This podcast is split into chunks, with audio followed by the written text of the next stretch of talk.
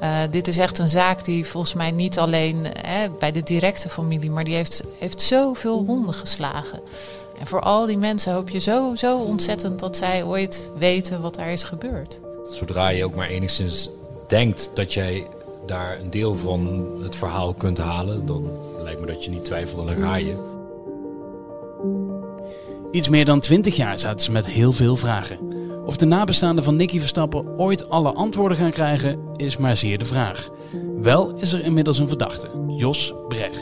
Vorig jaar werd hij na een grote klopjacht opgepakt in Spanje en sindsdien zit hij vast op verdenking van betrokkenheid bij de dood van Nicky in augustus 1998 op de Brunsumerheide in Zuid-Limburg.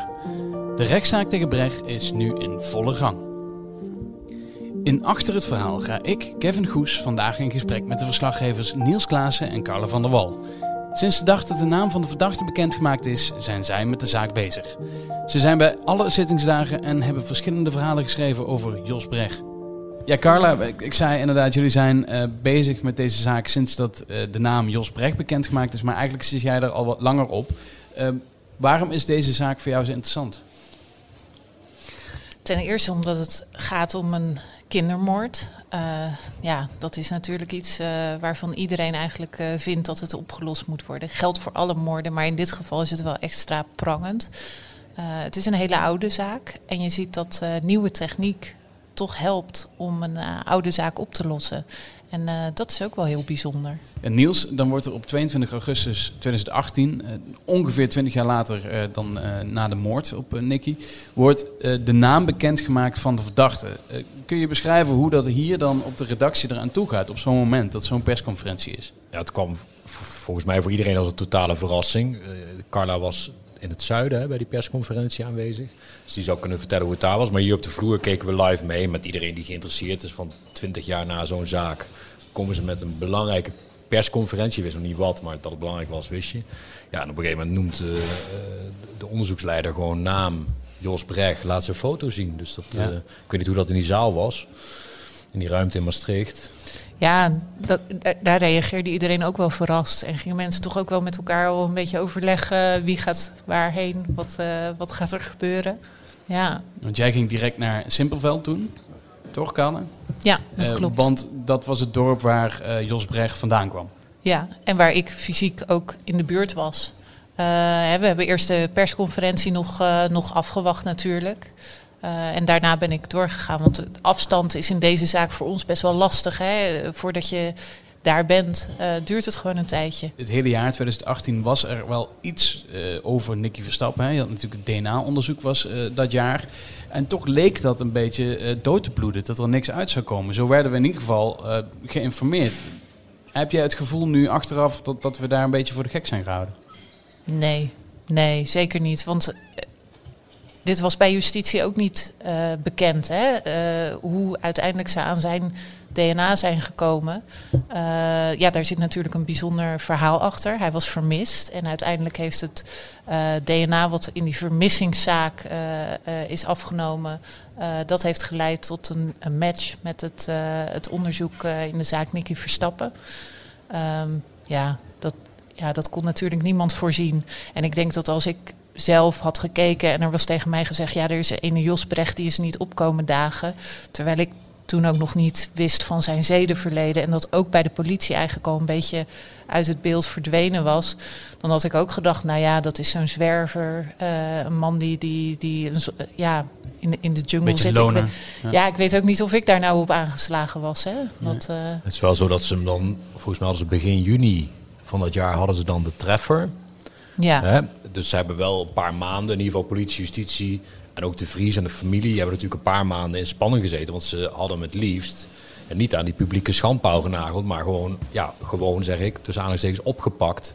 Hè, en, uh, of aangehouden en ondervraagd. Maar ja, dat lukte niet. Hij was vermist hè, sinds het mhm. voorjaar dat jaar. Dus toen moesten ze wel, dat vonden ze, publiekelijk gaan. Met zijn naam, zijn foto en de oproep om uh, ja, voor getuigen. Wie kent hem, wie weet waar hij is. Ook op het moment dat zijn naam genoemd werd uh, hier op de redactie, toen waren er ook meteen twee mensen die uh, reageerden van hé, hey, die ken ik. Waaronder ik. Ja. wat wel heel bijzonder was, dat je inderdaad een, een, verhaal aan het maken bent, ook met je eigen collega's. En waardoor wij ook een aantal verhalen hadden die andere media niet hadden. ja, hoe ga je op zo'n moment te werk eh, als verslaggever? En, en ja, hoe ga je verhalen verzamelen? Want je wil eerder zijn dan je concurrenten ook.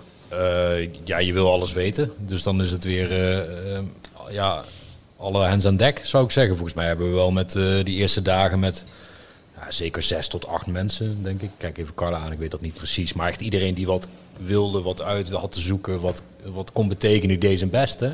Ja. Dus eh, mensen aan de research desk, onze helden Ton en Jo, die echt alles weten van registers, social media gebruiken, namen en nummers kunnen researchen om, om maar een beeld te krijgen van deze voortvluchtige, die gewoon echt twintig jaar na de dood van Nicky ineens daar was. Voor iedereen als een verrassing.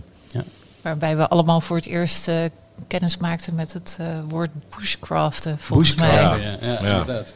Ja, ja mijn, mijn connectie met hem was dan via de scouting. Je had Cato, die bij ons magazine werkt, die is met hem zelfs op reis geweest. Dat, ja, dat zorgt ook voor een hele rare situatie natuurlijk. Want kun je, kun je daar wat over vertellen? Jij zat bij hem op de scouting. Hoe zat ja, het in ik, elkaar? ehm, ik zat bij Scouting Welte vroeger, waar hij eh, ook leider is geweest. En eh, dus mijn link met hem was klein, want ik heb nooit bij hem in de groep gezeten, maar ik wist wel precies wie het was. En hij zat net eh, de groep boven mij, de jongeren, daar was hij nog eh, de leider van. Eh, dus vandaar dat ik inderdaad een aantal mensen wel kon inschakelen waarvan ik wist van hé, hey, die hebben bij hem in de groep gezeten. Of die kennen hem, waaronder eh, oud-politieagent Frank Peters, die hem kent via de scoutinglink. En, en zo kom je toch weer aan wat contacten die je op een andere manier denk ik niet eh, gekregen had. Het Oh. ging best wel als een schok toch door de, eh, de, de scoutingleden van Zo, toen. Want eh, ik heb inderdaad ook naar aanleiding van jouw informatie een aantal eh, hebben we toen geïnterviewd. Ja, die eigenlijk eenzelfde beeld van hem schetsen. Eh, namelijk nou, totaal nooit gemerkt van enige eh, ontuchtige eh, handelingen of eh, de andere verkeerde zaken. En zeggen we een voorbeeld scout. En ja, eigenlijk allemaal geschokt waren door dat nieuws. Ja. Ehm, Ja, dat was inderdaad hoe dat eh, eh, eraan toe ging op dat moment. En, eh, en vooral ook, kijk, Nicky Verstappen is, ik kom uit de buurt van, eh, van Brunsum en ik weet ook waar dat gebeurd is. En ik ben zelf ook vaak genoeg op de heikop waar hij dan verdwenen is op, op kamp geweest en weekenden weg geweest. En als je dan inderdaad twintig jaar later, nadat dat toen zo'n grote schok was, hoort dat het ook nog eens iemand is waar je dichtbij bent geweest. Dat, eh, dat maakt het wel een, eh, een hele rare situatie toen, ja. ja. Het is ook precies wat deze zaak eigenlijk zo bijzonder maakt. Hè? Het is zo'n onvergeten moord eigenlijk. Hè, als je Ja. het een moord kan noemen. Maar het, Het, is, is, zo... niet eentje die in de vergetenheid is geraakt. Nee, Nee. nee, helemaal niet. Nee, Ja, ik denk dat je dat ook grotendeels op de konto van Peter de Vries kunt schrijven. zeker. Die zich eh, volgens mij een half jaar na de dood echt is gaan bemoeien met eh, de zaak, voorjaar 99.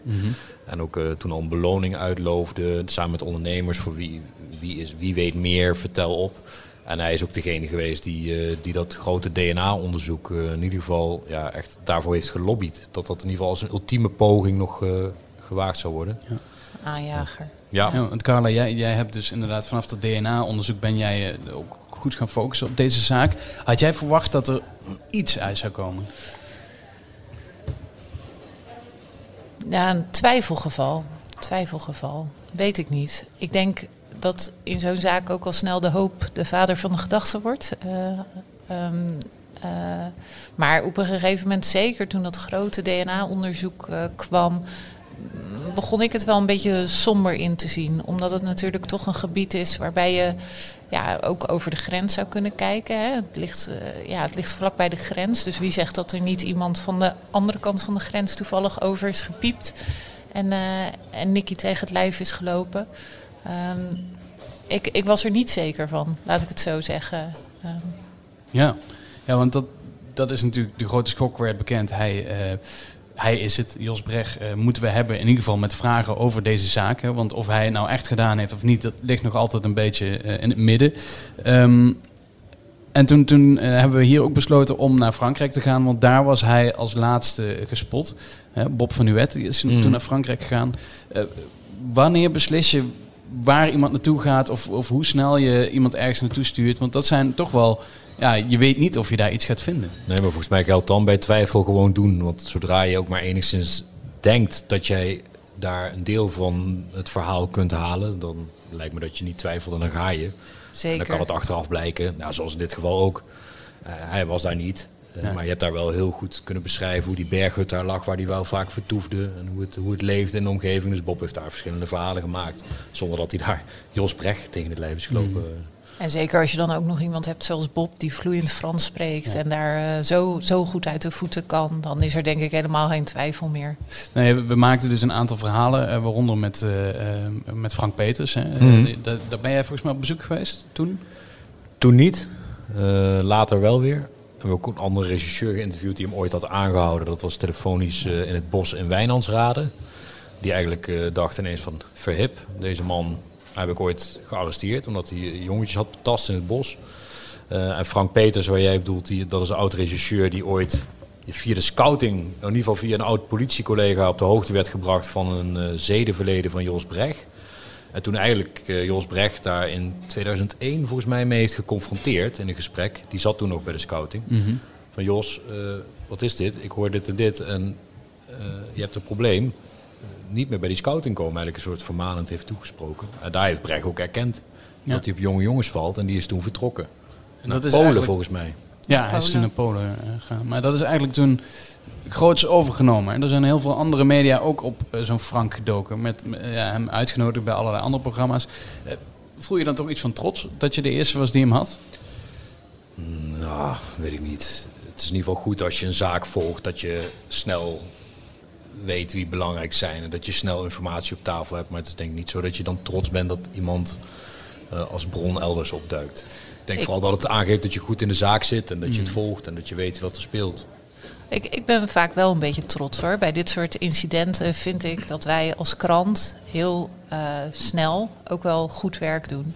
Dat, dat vind ik echt heel leuk om te zien. Hoe alle collega's handen ineens slaan en, eh, en er vol voor gaan. En dat dat, eh, dat dat ook loont op meerdere vlakken. Ja, want dat is de gemene deler die ik zie in heel veel van dit soort zaken. Als er iets bekendgemaakt wordt, grote persconferentie, er is iemand, eh, we zoeken naar iemand of er is iemand vermoord of hoe erg het ook kan zijn. Het is wel een moment waarop de hele redactie eigenlijk alles laat vallen voor zover ze kunnen en dan met z'n allen gaat zoeken naar het verhaal. Ja, en dat is echt, dat vind ik nog altijd bijzonder om te zien. Ehm, ik, ik weet ook nog met, met MH17, toen, eh, toen dat vliegtuig neergestort was, dan zie je dat, dat iedereen eventjes wegloopt, even met thuis belt eh, of, of even regelt wat hij moet regelen. En dan komt iedereen terug en dan ga je gewoon door totdat je hebt wat je, wat je kan hebben en wat je kan doen in een korte tijd. Ik vind dat, ik vind dat wel speciaal. Ja. Nu zitten we in de tijd van de, van de zaken. Hij speelt nu in, eh, in Maastricht in de, in de, recht, eh, in de rechtszaal. Ehm, kun je daar nou nog eigen verhalen maken of is dat gewoon echt erbij zitten en horen wat er gezegd wordt en dat opschrijven? Of, of zit je daar toch nog met een idee van we kunnen hier zelf iets uithalen? Niels? Altijd, denk ik. Ik bedoel, je, je volgt wat er gezegd wordt, wat er gewisseld wordt. Maar elke zitting biedt ook weer eh, stof tot research en dingen die gewisseld worden. En, en daar wil je dan wel van weten hoe het zit. Zo dook er vorige week was er nog een zitting, dook er ineens een, eh, in ieder geval tot dusver onbekende getuigenverklaring op van twee vrouwen die eigenlijk in oktober 1998 al hun, eh, hun verklaring bij de politie hadden afgegeven. Dat ze een man met een eh, kind achter op de fiets hebben gezien op de dagen van de vermissing van Nicky. En achteraf redeneren zij, ze hebben opnieuw verklaard dat dat moet Jos Brecht zijn geweest met Nicky Verstappen.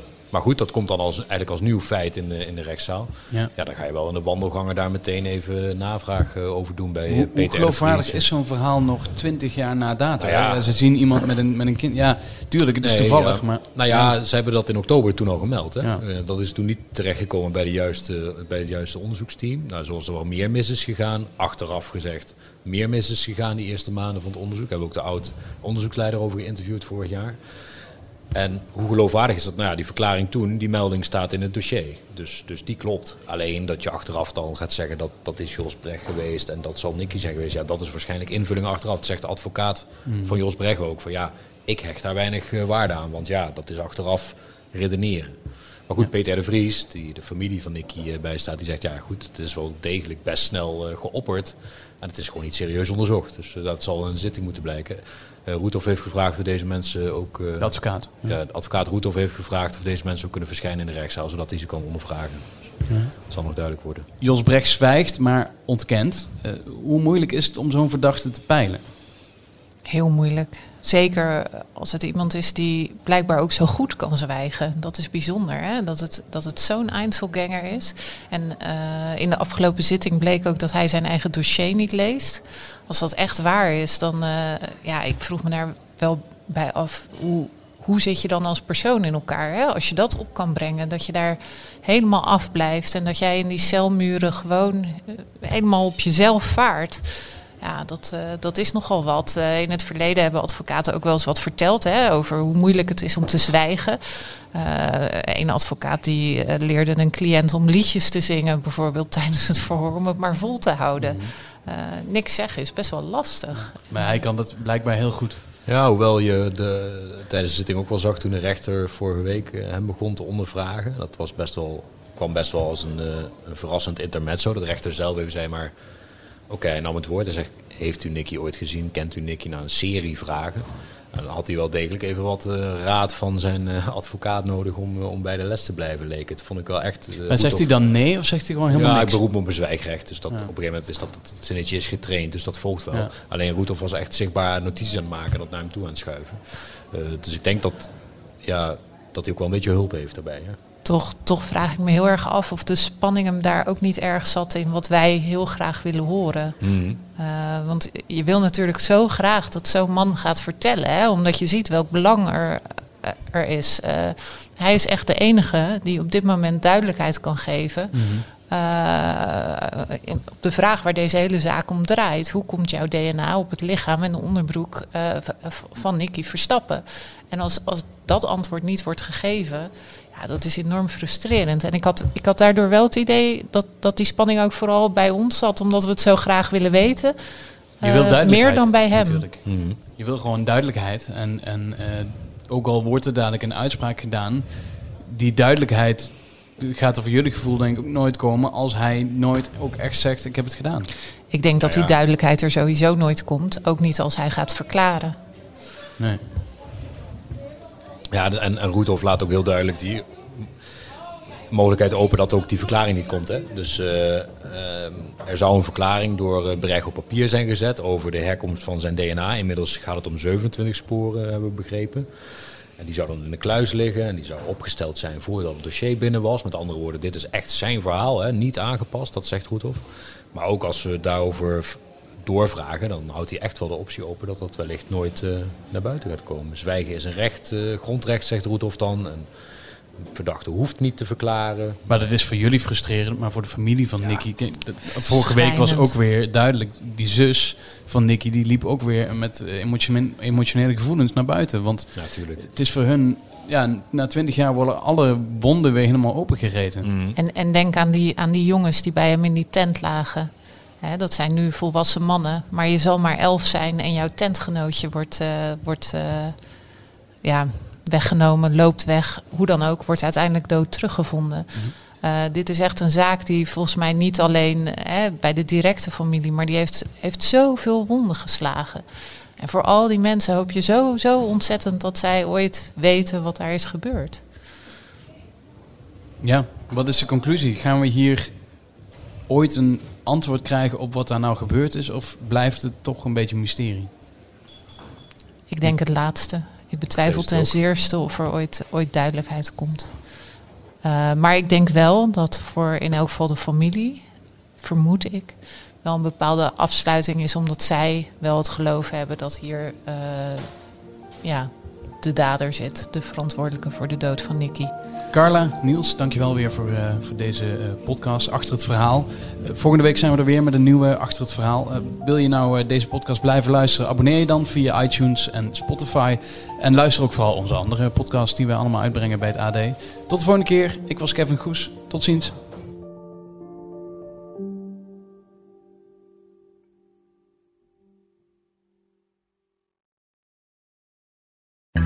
Wereldnieuws gaat ons allemaal aan. Maar als het nieuws gaat over je stadje, je buurtje of je straatje, dan voel je, dit raakt. Daarom lees je in het AD alles over het nieuws in de wereld, Nederland en jouw regio. Download nu de AD-app en mis nooit wat voor jou belangrijk is. AD, altijd dichtbij.